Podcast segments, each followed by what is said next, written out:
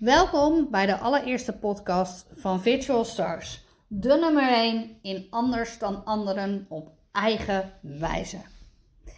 Mijn naam is Cindy en ik neem jullie vandaag mee in hoe ik um, eigenlijk gestart ben als ondernemer. Um, waarom dan deze podcast starten? En toen dacht ik, nu moet het er eindelijk maar eens van komen, want ik had het al een hele lange tijd op mijn lijstje staan. Uh, maar het kwam er niet van eigenlijk. En laatst kreeg ik ook de vraag van een andere ondernemer: van goh, maar vond je het dan niet eng toen je gestart was om te, uh, om te ondernemen? Of in ieder geval, vond je het niet eng om de stap te nemen om als ondernemer te starten? Nou, dat is nou namelijk ook een van de redenen dat ik dacht: hey, dit is een trigger nu moet ik toch echt wel een podcast gaan opnemen hierover. Want ehm, misschien is mijn weg die ik heb afgelegd uh, wel uh, interessant voor jullie. Om te kijken van hoe heeft uh, Cindy dat nou eigenlijk aangepakt. En ben ik in één keer in het diepe gesprongen en, en enzovoorts enzovoorts. Nou, ik ga je eerst even meenemen in een stukje van wie ben ik dan eigenlijk als persoon. En um, dan neem ik je mee in de weg hoe ik die heb bewandeld. Um, nou, ik ben Cindy, ik ben 41 jaar. Ik ben sensitief, intens en prikkelgevoelig met een hele sterke wil. En oftewel de hoogsensitieve persoon met een hele sterke dominante wil. En ik ben woonachtig in Breda. Ik ben getrouwd, oftewel geregistreerd partnerschap met uh, mijn man Joost Eshuis. We hebben twee kinderen. Jennifer die is zes en Stefan is vijf. Inmiddels um, uh, een van de dingen die uh, voornamelijk kenmerkend voor mij zijn gedurende mijn hele traject als kind tot aan nu, is, zijn de woorden kritisch, koppig en eigenwijs. En dingen op een andere wijze willen doen vanuit persoonlijkheid, unieke talenten en voorwaarden. En dit noem ik mijn eigenwijze. Dus ik heb, ben eigenlijk, heb ik de eigenschap eigenwijs zijn omgedraaid naar mijn eigen wijze. Ik, uh, eigenwijsheid wordt altijd gezien als een negatieve eigenschap. En uh, daar was ik het eigenlijk nooit mee eens. En toen dacht ik, uh, ik ben het beu, we gaan het anders doen. We gaan eigenwijs omturnen naar mijn eigen wijze. Um, ik ben als kind, was ik al een kind wat zelfsturend, zelflerend en zelfbepalend wilde zijn. Dat ben ik nog steeds overigens. En, mijn kinderen hebben, lijken wat dat betreft, uh, twee druppels water op hun moeder. De een um, de jongste, Stefan in dit geval, is uh, uh, ja, echt letterlijk een kopietje van mezelf qua karakter. En Jennifer ook, maar die heeft ook wel de zachte lieve kant van mijn man in zich. Dus die, die, die uh, is meer um, ja, wat, wat uh, kat uit de boom kijkachtig. Terwijl Stefan heel erg op iedereen afstapt en uh, zegt: Hallo, hier ben ik. En nou ja, goed, dat deed ik als kind ook. Het, uh, enzovoort. Nou goed, even terug te komen verder. Wie ben ik dan nog meer? Wat zijn de eigenschappen die nog meer bij mij passen? Ik ben creatief, innovatief, concepten bedenken. ik kan dus een, van een idee een commercieel concept maken. Ik ben uh, technisch uh, expert. En wat bedoel ik met technisch expert? Ik kan um, processen uh, in kaart brengen op papier. En ik kan dat ook nog eens technisch in systemen inrichten. Dus ik ben zeer analytisch. Ik heb een helikopter-overview en ik ben een verbinder. Dus netwerken is een van de dingen die ja, heel erg uh, in, in mij van nature zitten. Uh, linken leggen tussen iemand zoekt iets. Iemand zo, als ondernemer zoekt een virtual assistant bijvoorbeeld. en vervolgens leg ik die verbinding en dan denk ik, hé, hey, maar ik ken wel iemand. En dan koppel ik die op die manier aan elkaar en blijf ik daar verder van weg. Nou, verder ben ik oplossingsgericht. Ik heb een hele sterke drive en ik ben heel toegewijd. Ik heb een hele sterke commitment wat dat betreft.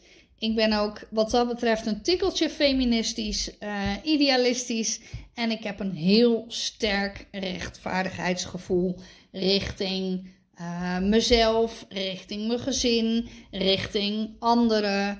Uh, dat was altijd al in loondienst zo. En dat is niet anders geworden. Um, nou ga ik een stukje jullie meenemen uh, in het feit van uh, wie ben ik dan eigenlijk als persoon? Nou, zolang als ik me eigenlijk al kan herinneren, ben ik een persoon die niet in een hokje past. Misschien herken je dit zelf wel. Um, sommigen noemen het ook wel multipotential. Um, vaak wordt er gezegd van goh, je, je moet je expertise op één ding doen. En je kan niet breed gespecialiseerd zijn op meerdere vlakken, et cetera. Uh, in de regel ben ik het daar deels mee eens, omdat er um, ja, ook mensen in de maatschappij zijn die net als ik een multipotential zijn en die dus um, zowel heel breed uh, een expertise kunnen uh, oppakken en daarnaast um, van al die expertises de diepte ingaan. Dus mijn website kennis bijvoorbeeld, mijn uh, online academie kennis, mijn kennis voor e-mail marketing systemen, mijn kennis voor Facebook adverteren expertise.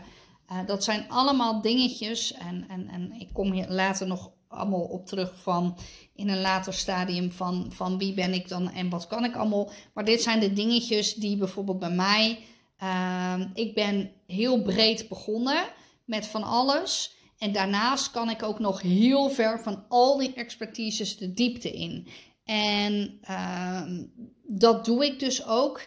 En Um, datzelfde geldt ook nog voor de expertise content uh, leren schrijven. Van hoe zet ik dat dan allemaal in, in, in, in uh, hoe breng ik dat in kaart? En uiteindelijk, al die expertises is eigenlijk één groot onderdeel, want die hangt eigenlijk onder de paraplu, dat ik een uh, paraplu-constructie kan organiseren van een bedrijf. Dus ik kan jouw hele bedrijf in kaart brengen. Um, op papier, dat kan ik helemaal netjes tekenen. En vervolgens kan ik ook nog zeggen van oké, dat zou je dan op die of die of die manier kunnen doen.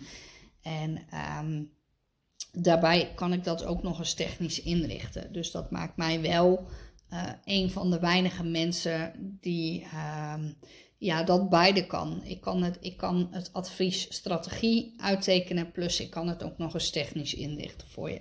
Nou, dat zijn er echt heel weinig en dat weet ik als geen ander. En uh, ik vraag ook niet per se een kopietje van mezelf. Um, want dat is niet wat je uh, moet willen, want iedereen is uniek. Um, en daarom zijn er denk ik ook diverse mensen nodig voor verschillende expertises. Soms, of als je uh, net zoals ik ben, zal je een multipotential zijn en zal je meerdere expertises hebben. Nou ja. Um, dat even daar gelaten. Uh, dat was een zijsprongetje. Um, nou, ik heb eigenlijk um, heel mijn leven voelde ik en, uh, aan alles en wist ik al dat ik anders was. met alle gevolgen van dien. en dat begon al ja, toen ik een jaar of vijf was uh, op de kleuterschool. En nou ja, dat weet je, uh, als kind was ik eigenlijk uh, niet gezien en gehoord. Uh, in die zin, um, ik was altijd het buitenbeentje. Ik had altijd een andere mening. Ik had altijd een andere visie. ik, ehm, wat dat betreft, was ik als kind um, ja, best uniek, maar ook heel eenzaam.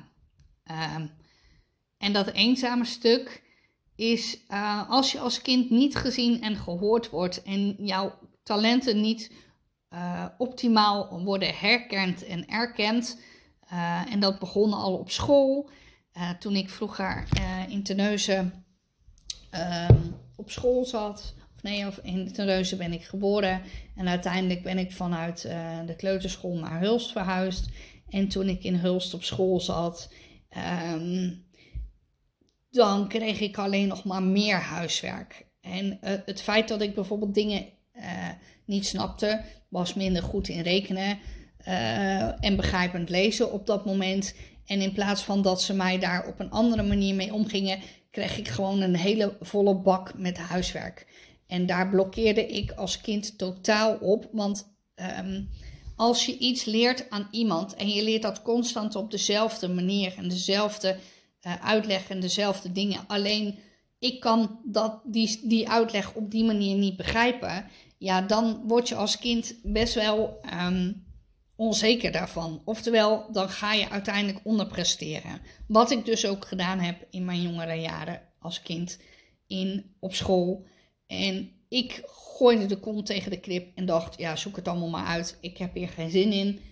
En um, het lukt me niet, laat maar maar. En nou ja, zodoende um, ben ik heel mijn leven uh, tot aan, uh, ja, totdat ik ging, ging werken uiteindelijk, zou ik maar zeggen. Uh, overal het buitenbeentje geweest. En, en, en ja, mensen vonden altijd van alles. testen gedaan die ooit zeiden van je zal nooit een MBO-diploma gaan halen en je zal nooit gaan studeren. En um, um, dat zijn externe bureaus geweest en dat doet echt wat met je als kind. Dat is niet um, zoals je eigenlijk je hele leven zou moeten doorbrengen. Op latere leeftijd heb je daar altijd uh, last van. En um, nou ja, goed, om een stapje verder uh, te zetten in mijn leven, want dat is een heel traject daarvoor. Um, zal ik even heel snel vooruitspoelen. Nou, ik, um, ik heb een gave, net als mijn moeder, dat ik van tevoren sfeer aanvoel in situaties. Ik, heb, uh, ik weet ook van tevoren wat mensen gaan zeggen vaak en of hoe ze gaan handelen. Uh, dat heeft gewoon te maken met uh, inzicht in de mens, inzicht in de persoon, hoe die zich gedraagt. Weet je, uh, wat zegt hij met zijn, zijn, zijn gelaatsuitdrukkingen? Hoe is zijn lichaamshouding? Weet je, dat zijn dingen die je daaruit kan oplezen. En als je daar gewoon feeling mee hebt, dan weet je vaak al wel wat er een beetje gaat gebeuren. Dus je kan ook eerder anticiperen op dingen die je deed. Nou, als kind, als kind deed mijn moeder dat altijd bij mij. En totdat ik op een leeftijd kwam en het echt niet meer leuk vond. En altijd had ze gelijk. Uh, maar goed, door de jaren heen heb ik me ontwikkeld als kind. Um, en toen ik wat beter kon begrijpen, kon ik er mijn voordeel mee doen. Dus dat betekende niet dat ik dan snapte waarom ik dit dan wel had en andere kinderen dus niet.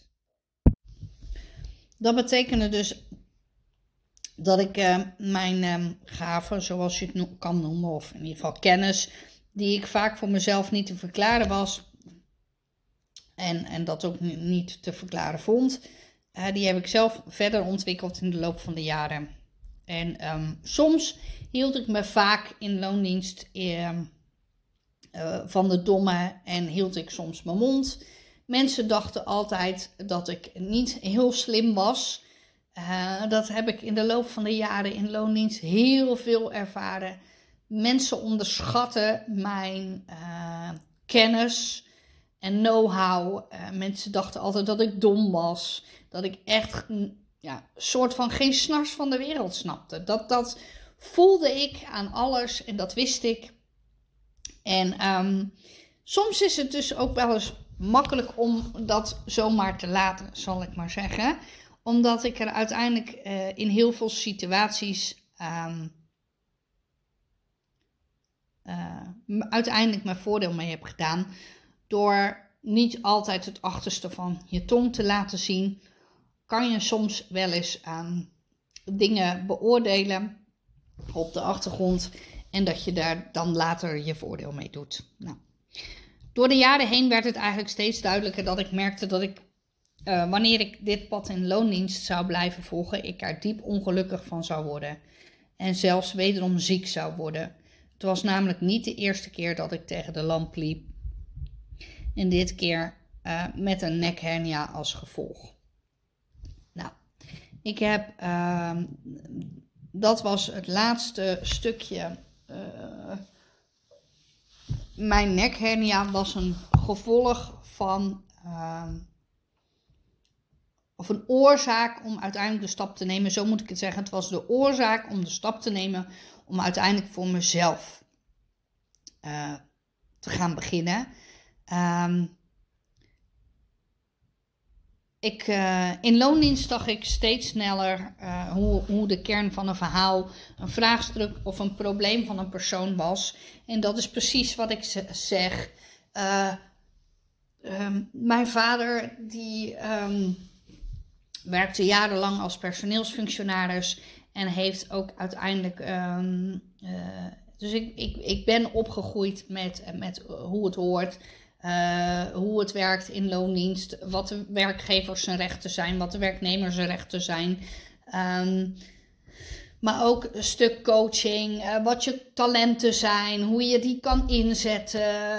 Um, maar mijn vader was altijd een persoon die, die, ja, die zat in een functie um, waarin die ja, nooit kon echt zichzelf kon laten zien. Dat was echt een, een, een hele zakelijke, afstandelijke rol die hij aannam. En um, we hebben, uh, ik ben ooit bij ING gaan werken. En um, toen kwamen ze mij tegen. En ik was natuurlijk, werd altijd gezegd als de dochter van. Want ja, iedereen vond altijd van alles. En die hadden hetzelfde verwachtingspatroon van mij. En uiteindelijk, uh, toen, zei, uh, mens, toen zei die baas van mij, waar ik voor ging werken, ik heb hypotheken daar gedaan. En uh, toen zei die baas, ja, je lijkt net je moeder. Je hebt je hart op je tong liggen en je, je zegt alles, je flapt er altijd alles gewoon uit. Je bent wat dat betreft uh, totaal verschillend van je vader. Nou, dat was de eerste keer dat ik dat hoorde, dat ik mijn hart op mijn tong had liggen. En dat ik ook altijd alles zei. Dat klopt. Uh, ik, wat dat betreft uh, ben ik um, ja, een flap uit en zeg ik vaak dingen die mensen soms echt niet willen horen. Ik leg vaak de vinger op de verkeerde of op de zere plek. Verkeerde, slash zere plek, laat ik het zo zeggen. Dat deed ik in loondienst, dat doe ik eigenlijk overal, et cetera. Maar goed, dat is een klein zijbruggetje. Um, nou, mijn rol in loondienst, uh, die voelde ontzettend beklemmend. En ik had het gevoel op een gegeven moment dat ik stikte en ik geen lucht meer kreeg. Nou, waarom niet? Uh, dat, dit is wel een beetje heel erg. Um, um, dit kan heel negatief overkomen, maar dat bedoel ik niet. Maar ik, ik, ik kreeg niet echt lucht om me om te, te ontwikkelen. Ik, ik, ik zat daar in loondienst en ik dacht echt is dit het nu wat, wat mijn, hoe mijn leven eruit gaat zien? Ga ik zo 65 jaar worden en word ik hier nou blij en gelukkig van, et cetera? Nou, um, uiteindelijk uh, uh, dacht ik, nou nee dus, uh, dus het moet nu anders. Nou, er is eigenlijk geen één enkele werkgever um, in loondienst, um, losgezien van één werkgever Um, één bedrijf uh, waar ik mijn man heb leren kennen. Dat is het bedrijf geweest waar ik altijd mezelf heb kunnen zijn. Daar kon ik alles, daar mocht ik alles, daar kon ik alles zeggen. Daar was ik gewoon wie ik was. En alle andere functies in loondienst, daar had ik vaak een masker op. Omdat ik echt was de, de Cindy die ik in loondienst was. En ik was privé totaal een ander persoon. Nou goed. Um, ik dacht, alleen als ik mezelf laat zien als ondernemer, zoals ik ben, dan vinden klanten mij om wie ik ben. Hé, hey, maar dat is best gek. Dus als ik ben wie ik ben en ik in de flow zit, komen de klanten. En toen ik in loondienst zat, begreep niemand mij en zagen ze niet eens welke fantastische en efficiënte ideeën ik had en toepaste. Dus al mijn energie stroomde weg in loondienst.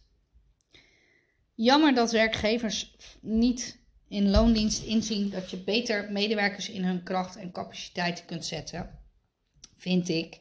Dat heb ik altijd gevonden, heb ik ook altijd al gezegd. Als een medewerker doet waar hij goed in is en losgezien van een functieprofiel, als ze losgezien van een functieprofiel zouden kijken en ze zouden die mensen in hun kracht zetten, dan, uh, dan doet een medewerker waar hij A goed in is, B wat hij leuk vindt, C zal hij harder voor de baas werken omdat hij zeer gemotiveerd is. Dus D, als een baas dan vraagt aan jou: Goh, zou je dat stapje harder willen zetten? Of we moeten nu dit of dat project afronden, of dit of dat willen doen. Dan zal die medewerker gemotiveerd zijn om dat te kunnen doen. En zet je medewerkers niet in hun kracht en blijf je aan die functieprofielen vasthouden zoals we dat nu allemaal doen. Want we, hebben, we leven in een standaard maatschappij met een standaard uh, functieprofiel en we verwachten allemaal dat we allemaal standaard mensen zijn en standaard reageren. En we, mogen niet buiten de kaders denken en niet buiten de kaders kleuren. Um, als we nou, als ik nu weet met de kennis die ik vanuit loondienst heb en de kennis vanuit ondernemerschap, zie dat mensen die zeer gemotiveerd uh, zijn in hun werk, dat die veel, uh, veel meer, uh, ja, hoe noem je dat? Veel meer over hebben voor hun job. Dat is een win-win. Werkgevers zouden moeten boeien, binden en behouden van medewerkers in plaats van uh, ze er geen moeite voor moeten doen. Want het moment dat daar geen moeite is, gaan werknemers elders kijken of het anders kan. En zo krijg je natuurlijk die hele stroom op gang. Maar goed, dat is een heel ander verhaal. Ehm, dus dat is wat ik vind. Ehm, dat als een medewerker dus doet wat hij, waar hij of zij goed in is, dan zal hij altijd een, een, een stapje harder werken voor een werkgever. En, en dus ook gemotiveerd zijn om dingen te doen voor een werkgever. Um, dus dat zijn dingen die ik vind. Ehm, dus dat zijn dingen die onder andere voor mij hebben meegespeeld in de keuze waarom ik ondernemer ben geworden. Nou, ik bouw graag ook een brug. Uh, neem mensen, klanten mee, graag naar het volgende niveau. Uh, het, het, nieuwe, het nieuwe ondernemen. Ik, ik wil, weet je, als je doet waar je goed in bent en dan doe je vanuit passie of, of, in ieder geval als je het fijn vindt om je werk uit te voelen, dan is je werk een hobby geworden. En ik gun heel de wereld dat zij ook hun passie leren ontdekken. En dus vanuit flow kunnen werken. Um, dus dat, dat is een dingetje waar ik um, jullie in mee wil nemen. Nu zal ik een stapje terug doen. Nou, toen ik eigenlijk begon aan het avontuur van ondernemerschap, uh, was ik mijn eigenheid verloren. Dat was ik ook al in loondienst. Um, en misschien herken je, je mijn verhaal wel. Door de jaren heen had ik me namelijk heel erg aangepast aan situaties, aan mensen in mijn omgeving, situaties die ik meemaakte in mijn leven. Hierdoor had ik me zoveel aangepast aan mijn omgeving dat ik eigenlijk vergeten was wie ik eigenlijk was.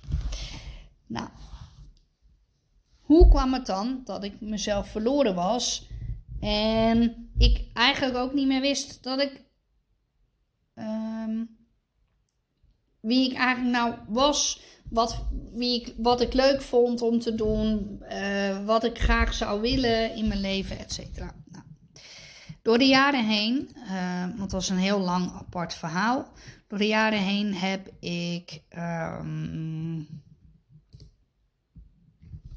heel veel verschillende testen gedaan bij werkgevers. Nou, de, uh, de disktest, uh, nou, noem het maar op. Allerlei andere testen. Uh, wel honderdduizend verschillende soorten testen. Van bureaus tot en met weet ik het allemaal wat.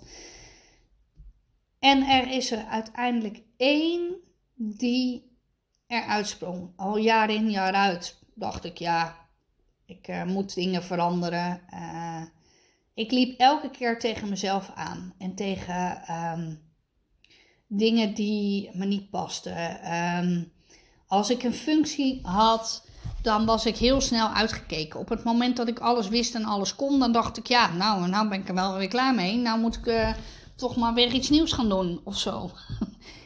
Dat heb ik altijd gehad hoor. Dat het, ik, ik ben iemand die als ik alles weet en alles kan, dan heb ik de trigger in mezelf en dan denk ik, ja, nou zo, nou is er geen uitdaging meer. Hup, nieuwe functie of eh, nieuwe, nieuwe uh, werk erbij. Uh, anders ging ik me vervelen en dan ging ik mijn eigen onderpresteren. Want dan denk ik, ja, ik, ben er, ik heb alles al wel gezien en gedaan. Ik uh, ben er al wel weer klaar mee. Nou ja, goed. Dat is, dat is de ding, het, het, hetgeen waar ik tegenaan liep. En vervolgens hebben wij een. Um, bij mijn laatste werkgever hebben wij een, een test uh, gedaan die gericht was op uh, persoonlijkheid. Uh, wat zijn mijn persoonlijke waarden en normen? En waar staat dat dan eigenlijk voor? Nou,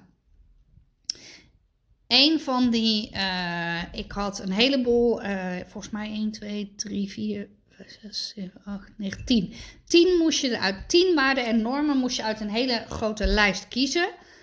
Um, wat het beste bij jou paste. Nou, mijn waarden die ik um, heb uitgekozen waren betrokkenheid, betrouwbaarheid, duidelijkheid, enthousiasme en positieve instelling, fair, integriteit, openheid, persoonlijke groei, prestatiegericht en respect. Dat zijn de tien waarden en normen die destijds in loondienst voor mij van belang waren. Um, wat zegt dit nou? Wat kwam, wat kwam er nou eigenlijk uit die test? Nou, dan is dat, deze test is gedaan aan de hand van het Barrett-model met de zeven niveaus van bewustzijn. Dus niveau, die, als ik de, de trechter even pak, uh, of de zandloper even pak, en ik begin uh, bij dienstverlening, het verschil kunnen maken, interne cohesie, transformatie is dan de middellijn van um, de zandloper, eigenbelang, relatie en overleving. Nou, Um, en bij eigen belang zie je eigen waarde voelen is angst, ik ben niet goed genoeg. Bijvoorbeeld bij relatie was het angst, er wordt niet genoeg van mij gehouden. En je wil beschermd en geliefd voelen. Um, en, en overleving is bevredigen van onze fysiek en overleving. Ik heb niet genoeg. Weet je, de angst om niet genoeg te hebben in je leven. Nou, dat zijn allerlei dingen die um, van toepassing waren. En uiteindelijk kwam er uh, uit dat ik heel erg trouw ben aan mezelf en mijn eigen principes. En dat ik uh, graag uh, wil dat er rekening gehouden wordt met mensen en dat ze rechtvaardig behandeld willen worden. Nou, dat in de loop van de jaren in loondienst heb ik daar ook heel hard gevochten. Niet, voor, ja, niet alleen voor mijn eigen rechten, zou ik maar zeggen, want ik delfde altijd het onderspit. Ik vocht altijd voor de rechten van mijn collega's in loondienst. En uiteindelijk delfde ik het onderspit en vloog ik eh, de laan uit. Maar goed, dat terzijde leer ik daar dan van. Nee, dat deed ik echt bij de volgende werkgever weer. Maar goed, dat is wie ik ben. Ik, ik je kan jezelf niet veranderen. Als jij een heel sterk rechtvaardigheidsgevoel hebt, dan kan jij dat niet veranderen. En dan zul jij altijd opkomen voor heel de wereld. Alleen er zit een verschil nu in, weet ik, tussen redden versus helpen. En toen zat ik heel erg in het redden stuk, want ik wilde heel de wereld redden hè, van alles. En ik wilde, ik gunde heel de wereld en iedereen zoveel mogelijk geluk, liefde, een succesvolle baan, etc. Maar dat kan je niet, ehm, weet ik nu. Um, ik vond het ook heel erg belangrijk um, dat anderen mij goed begrepen.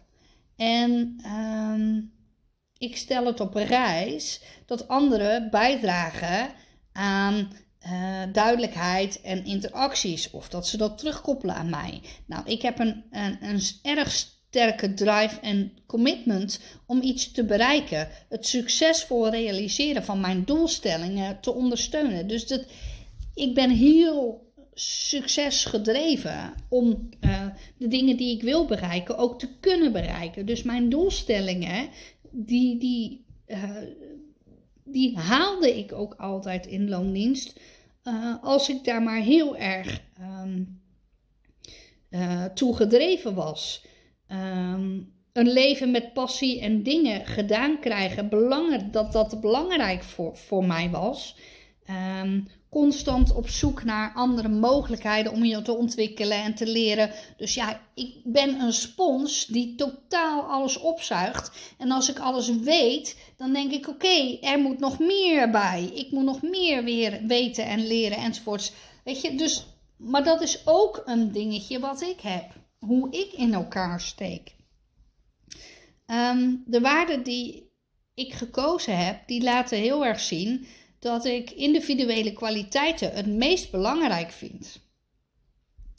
En ehm, wanneer ik deze waarden dus uh, leerde begrijpen, kon ik dus ehm, hiermee aan de slag van ja, maar oké, ik heb deze waarden opgeschreven, maar vind ik die nu terug in mijn loondienstfunctie?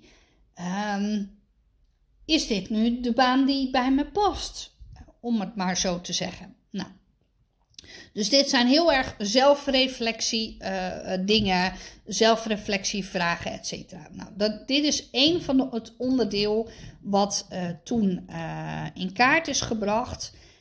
Um, dan hebben wij ook in kaart gebracht. Um, we hebben toen een test gedaan, een persoonlijkheidstest.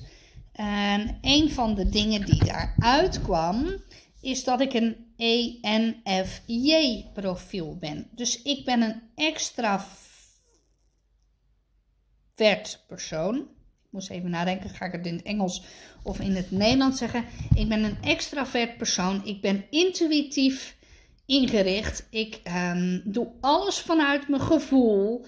En ik ben heel erg um, uh, actiegericht, innovatief, mensgericht en dus georganiseerd. Nou, dat zijn echt uh, de dingen die uh, daar voor mijn persoonlijkheidsprofiel ehm, staan. En ehm, nou ja, ik kreeg dus uiteindelijk een rapport van een extern bureau van acht kantjes. Acht kantjes, wie ben ik privé en wie ben ik zakelijk? En waar pas ik dan in, et cetera? Nou, toen moesten we ook nog. Um, hè, we hadden natuurlijk een heel ondersteuning, ondersteuningsteam. En dan heb je teamprofielen, uh, de rollen van een teamprofiel. Nou, dan heb je allerlei uh, wielen waar je in kan zitten, et cetera. En um,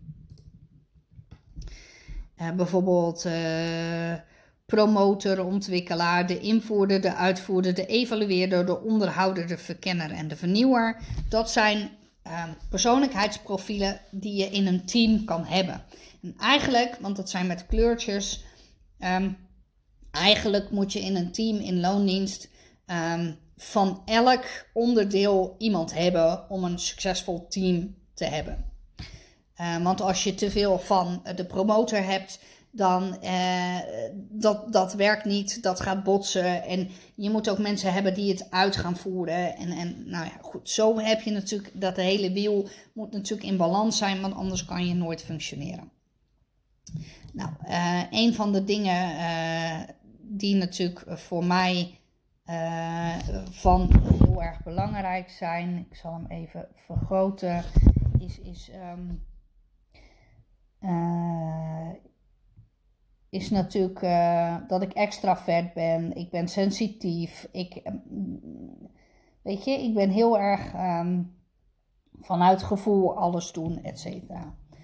Dus dit zijn de dingen die um, ik kreeg te horen in loondienst. Nou, dat was, dat heeft uiteindelijk, heb ik daar, uh,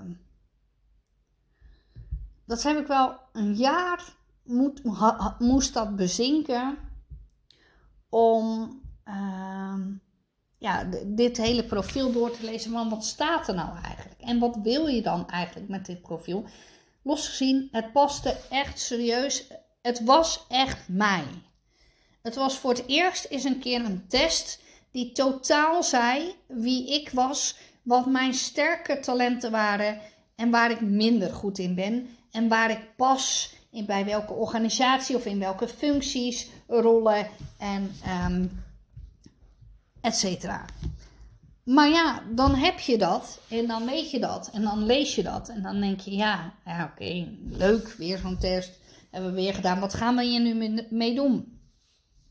Nou, ik neem even een slokje. Um, want uiteindelijk um, ben ik uh, voor mezelf begonnen. Maar dat heeft nog een hele lange tijd geduurd. Nou, hoe kwam dat dan? Nou, ik heb allereerst natuurlijk deze test gehad. Die had ik in loondienst gehad. Dat heeft dan een jaar geduurd. Nou, we hadden privé hadden we uh, een, een, um, een zware opstart met de geboorte van onze zoon. Dus dat speelde ook nog allemaal toen de tijd. En um, um, Marleen Beren, voor, voor degenen die de podcast uh, luisteren. En Marleen Beren uh, uh, kennen, kennen, veel mensen kennen, zullen Marleen Beren als naam kennen of als persoon kennen. Marleen Beren deed toen babymassage. En haar zusje woont bij mij in de wijk. En in een blok verder. En via haar zusje kwam ik in contact met Marleen. En Marleen die deed babymassage. En die heeft toen hebben we contact opgenomen met haar. Vanwege dat Stefan die was, uh, ja, nou goed, ik zal het niet allemaal uitleggen, maar we hadden een zware opstart. Stefan was geboren en die had heel veel spanning in zijn lichaam. En zijn vuistjes waren altijd gebald. En die kregen we amper open. Dus die stond heel erg, nou, soort van, van de spanning. Ehm, en toen heb ik Marleen gebeld en toen heb ik haar gevraagd of ze babymassage wilde doen. En uiteindelijk heeft ze dat dus ook gedaan. Uh, nu zul je denken van, hoe, waar gaat dit hele verhaal heen? Dit verhaal gaat over hoe ik in contact kwam met uh, Marleen en, en uiteindelijk waarom ik de stap heb gezet naar ondernemerschap. Nou, Marleen heeft die babymassage gedaan bij Stefan. En dat heeft inderdaad super geholpen, want daarna kon Stefan zijn vuistjes openen enzovoort heeft ook, dit stukje heeft ook niks met ondernemerschap te maken. Maar wel hoe ik Marleen heb leren kennen. Eigenlijk op een ander vlak dan dat we uiteindelijk uh, uh, als ondernemer uh, elkaar kennen. Nou, Marleen die, die vertelde natuurlijk ook een heleboel dingen over privé en waar zij werkte. En toen werkte ze bij de rechtbank nog. En um, uiteindelijk is, um, heeft ze voor zichzelf gekozen. En um, was ze gestopt en is ze voor ze zelfstandig ondernemer geworden. Nou, ik heb Marleen toen een jaar gevolgd op de achtergrond via social media en via haar zusje natuurlijk. Ik bedoel, ik kende haar natuurlijk van de babymassage enzovoorts. En, en, en nou ja, goed, toen dat opgelost was, hebben we elkaar niet meer gezien. Maar uh, ja, wel eens bij, bij haar zusje. Ehm, maar verder ehm, niet. Um, toen volgde ik haar op social media van wat, wat ze allemaal is gaan doen. En in dat jaar ben ik haar helemaal gaan volgen van de opstart van haar tot, tot klanten en, en dat soort dingen. En ik bleef vastlopen op mijn werk. En toen dacht ik, um, Cindy, je moet nu eigenlijk, want toen had ik die nekhernia gekregen. En toen dacht ik, ik ben het beu. Het moet anders. Het, dit, dit, gaat, dit gaat hem niet meer worden.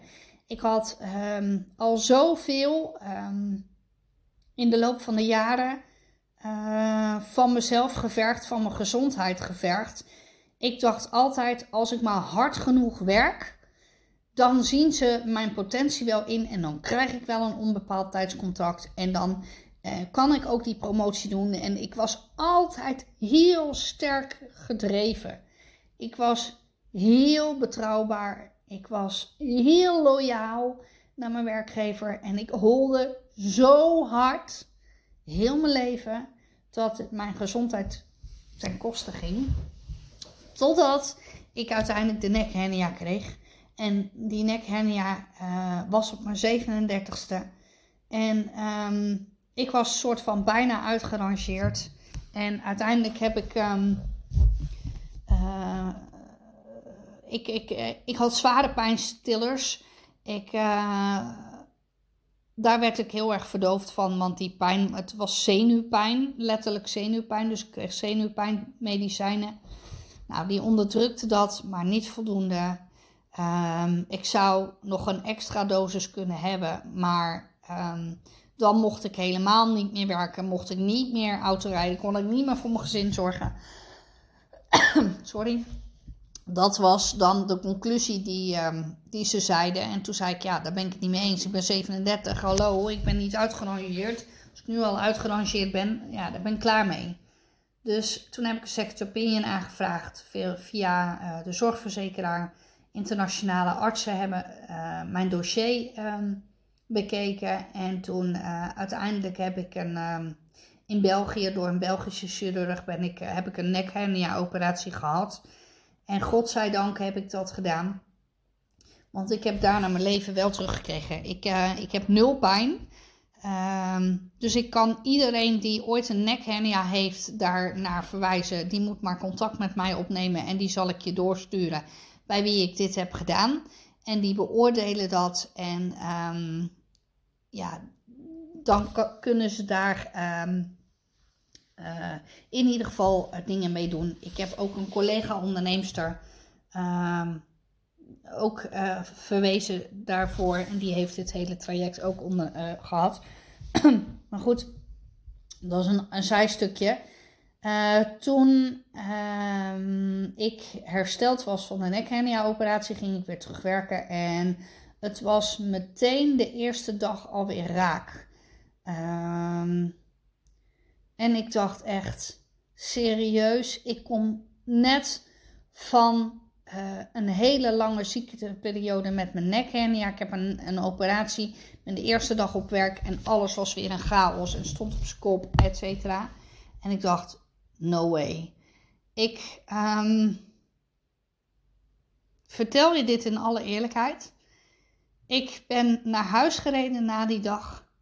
Mijn ouders waren op vakantie in Marokko. Ik heb mijn ouders opgebeld en ik heb letterlijk gezegd: Mam, als ik terug moet daar naartoe, dan doe ik mezelf wat aan. Niet dat ik van plan was om mezelf wat aan te doen, maar ik zag dit niet meer zitten. Ik had al zoveel meegemaakt en ik dacht: dit nooit meer. Ik, ik heb genoeg gestreden. Ik ben genoeg loyaal geweest. Ik heb genoeg laten zien wat ik kon. Um, ik kan niet in details treden wat er die dag allemaal uh, gebeurde op het werk.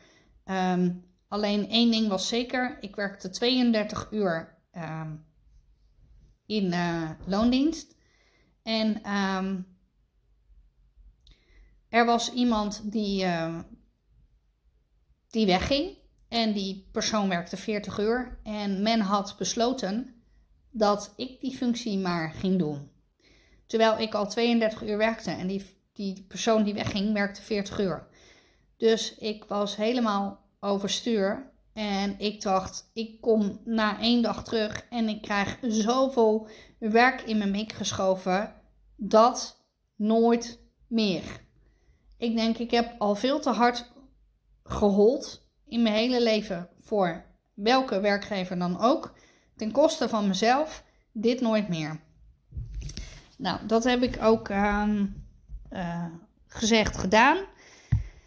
Um, toen dacht ik, ik ben beu. Ik heb al een jaar uh, Marleen gevolgd en ik ga eens contact opnemen met Marleen.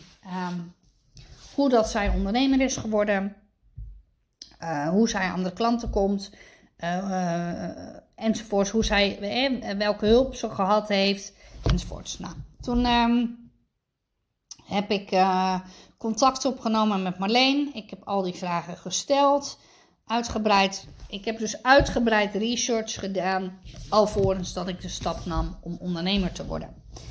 Ik heb dus uh, een uitgebreid gesprek gehad met Marleen over uh, hoe kom je aan je klanten.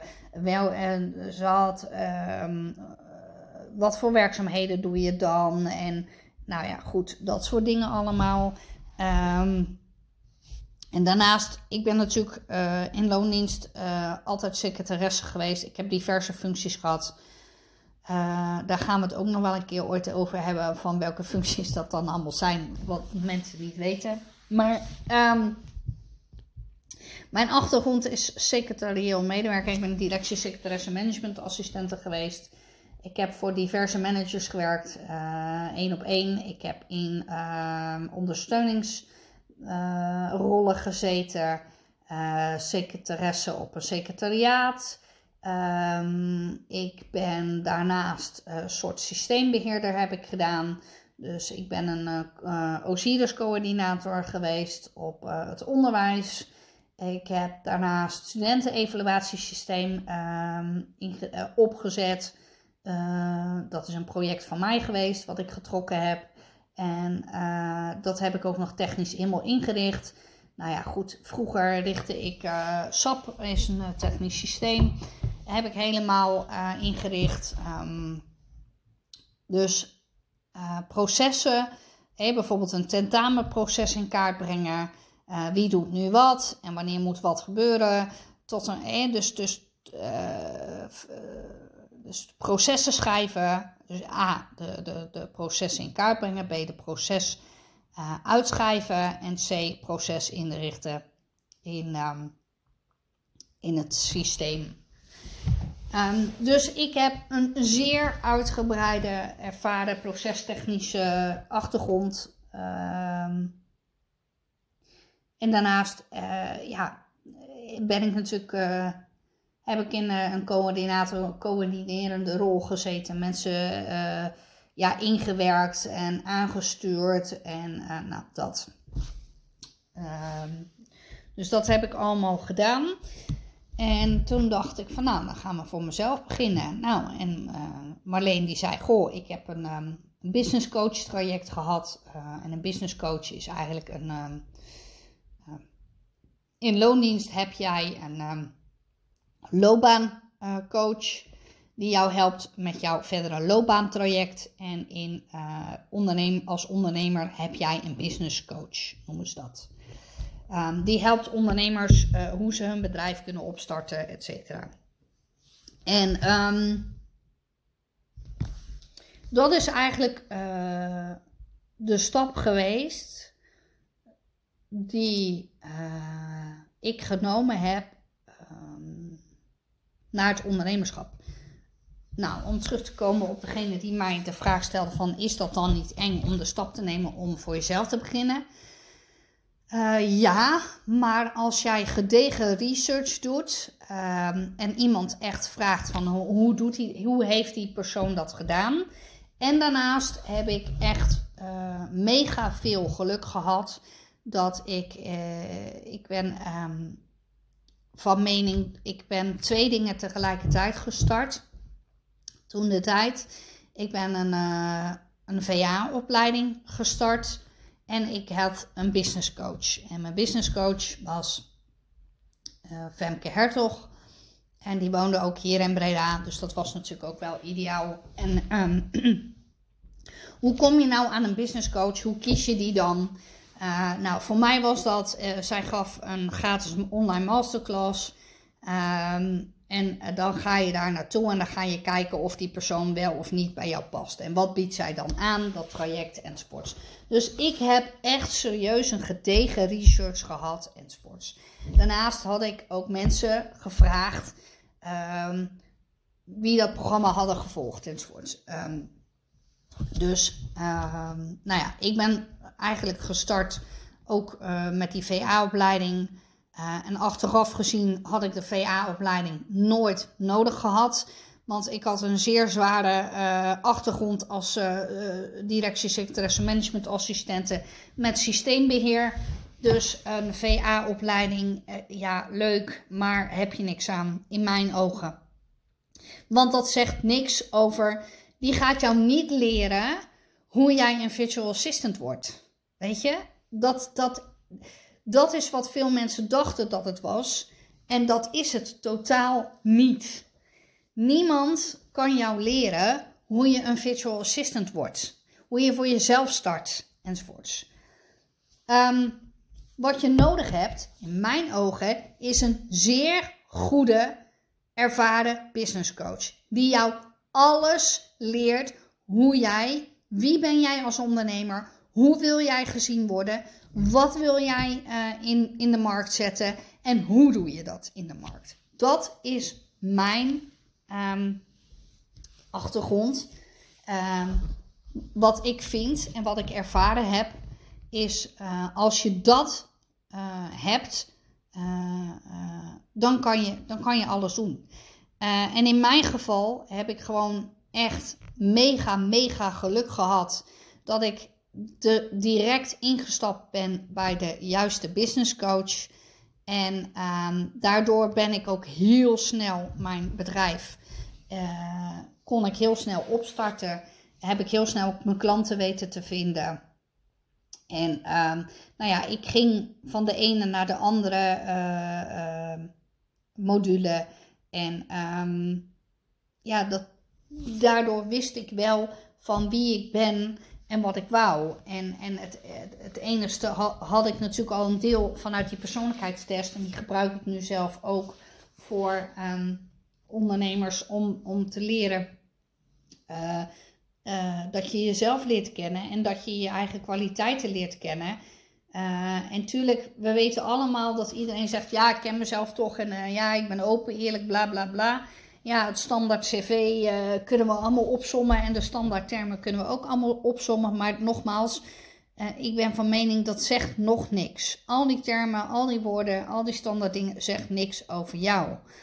Als jij niet weet hoe jij in elkaar zit en, en, en um, wat jouw valkuilen zijn. Een van de valkuilen die, die ik had in loondienst was dat ik geen nee kon zeggen. Dus Um, als jij altijd een, een people pleaser bent, in dit geval, je, je wil altijd mensen een, een ander plezieren, om, weet je, en je zegt overal ja op. En, natuurlijk, eh, wil je naar een feestje? Ja, Cindy is wel.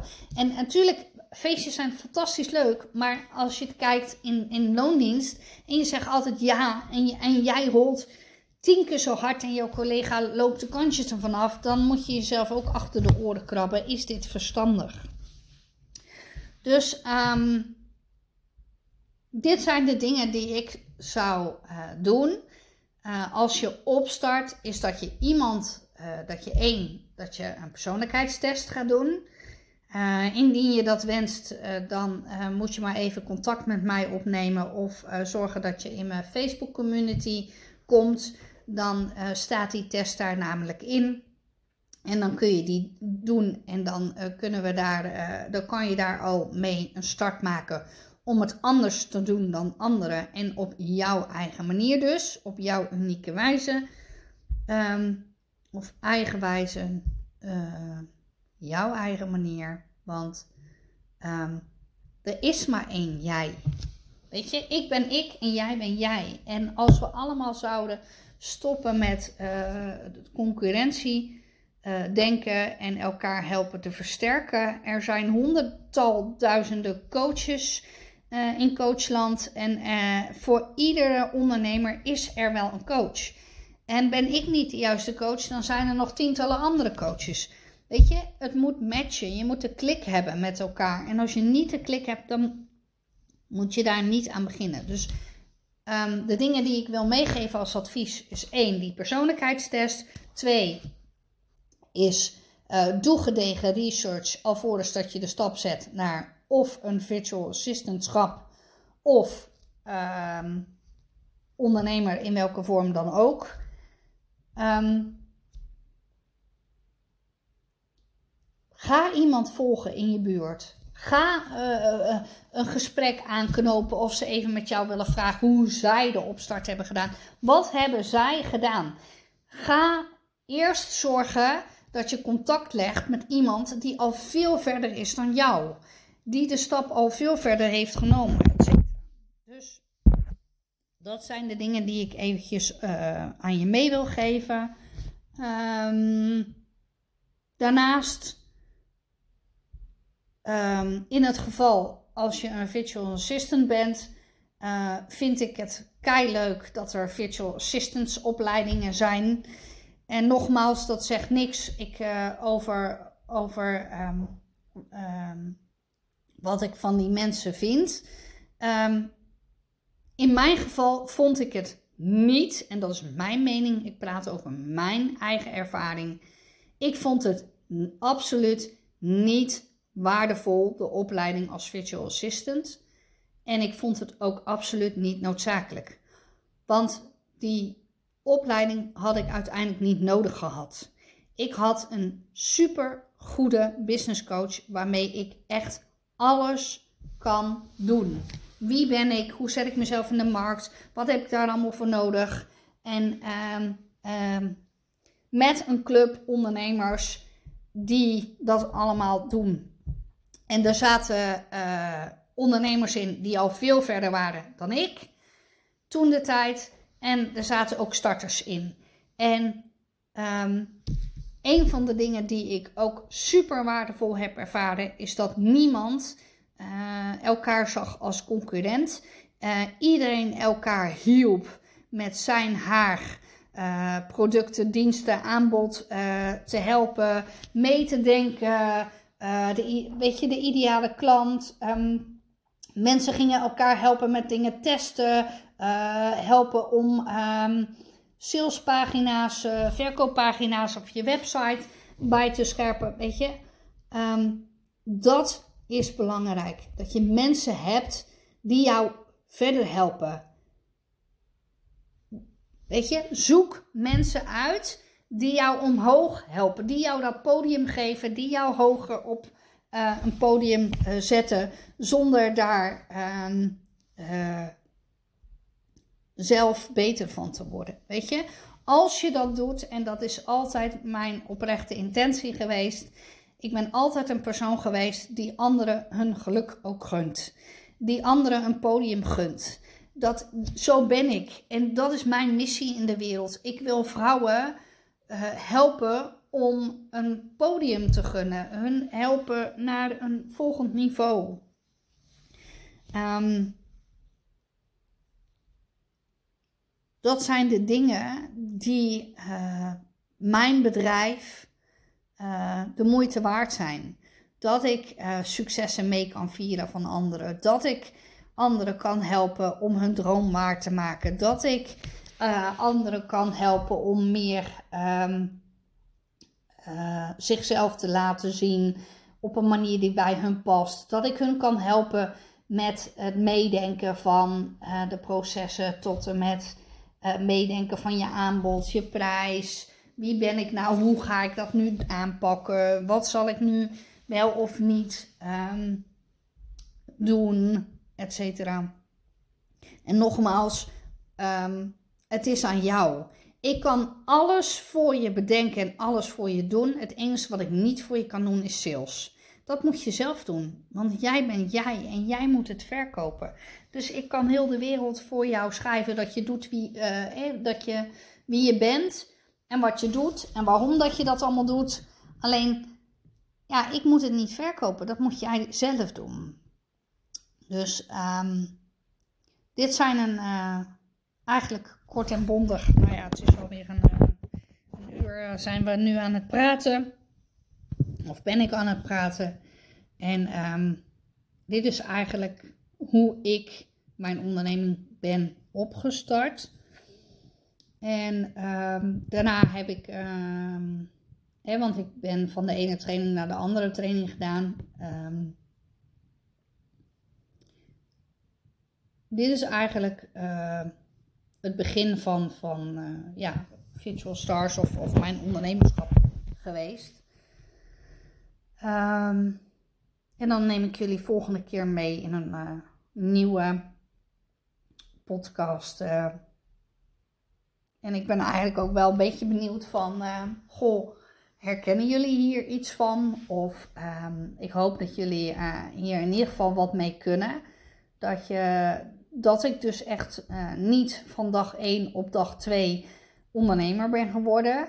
Dat ik um, alvorens dat ik de stap nam, ja, dat heeft dan totaal, als, je, als ik nu terugdenk, drie jaar geduurd alvorens dat ik uiteindelijk tot de conclusie kom van nou, dit is niet het leven wat ik wil leven en, en ik, dit is niet wat ik uit mijn leven wil halen.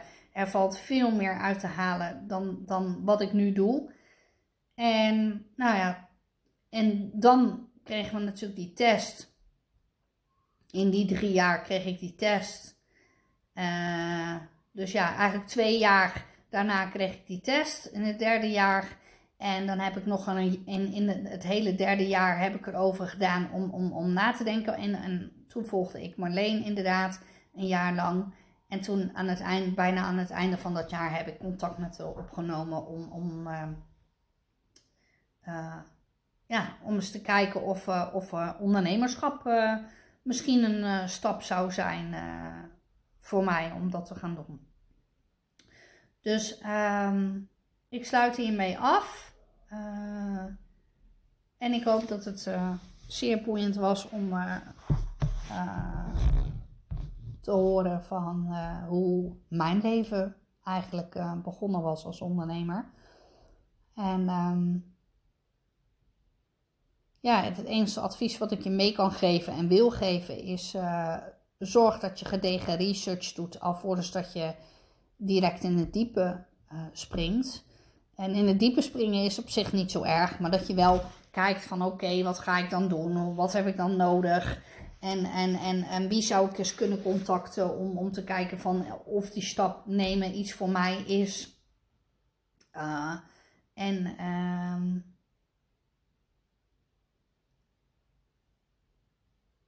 en, en, en zorg dat je echt een, een, een, een zeer goede uh, ja, business coach bent. Nou kan ik wel zeggen, ja, dat ben ik. Maar goed, eh, zoals ik al zei, ten eerste moet je mij kennen. Ten tweede vind ik uh, dat, dat de klik er moet zijn. En uh, ik ben de laatste die zegt dat je alleen bij mij moet zijn. Um, ik vind namelijk dat je, zoals ik dat ook heb gedaan bij mijn eigen coach destijds. Uh, je moet eerst mensen leren kennen. Vervolgens dan denk je, ja, die past wel bij mij. En dan stap je bij zo'n persoon in een traject, weliswaar. Of je neemt nog contact op met iemand om te kijken of dat inderdaad bij je past. En, en, en zorg dat je achter je besluit staat en um, ja, dat was het eigenlijk. Ik uh, ga afsluiten. Uh, dit was uh, de podcast van Start je bedrijf. Ehm, als, hoe ben ik gestart als ondernemer? En ik, ik ben wel benieuwd, want dit was de eerste podcast en een beetje zenuwachtig van ja, wat moet ik allemaal vertellen, et cetera. Ik heb namelijk heel veel te vertellen. Um, altijd. Um, maar het is een beetje, een beetje kijken van uh, hoe of wat. Ehm, ja, volgende keer gaan we een ander onderwerp doen. En dan ehm, ga ik langzaam uh, uitbouwen naar, uh, naar ehm, diverse onderwerpen.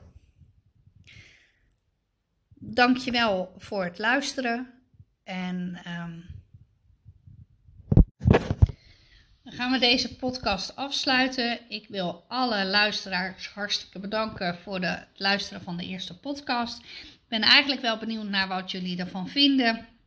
En uh, laat het me vooral eventjes weten. In, uh, stuur me even een berichtje of wat dan ook. En um, ik, um, mocht je nog vragen hebben uh, over het ondernemerschap, over um, ja, welke vraag dat je dan ook hebt. neem even contact met mij op en dan kijken we even samen naar wat, wat ik voor je kan betekenen. En of ik je ergens mee kan helpen. En um, nou ja, goed. Tot de volgende podcast.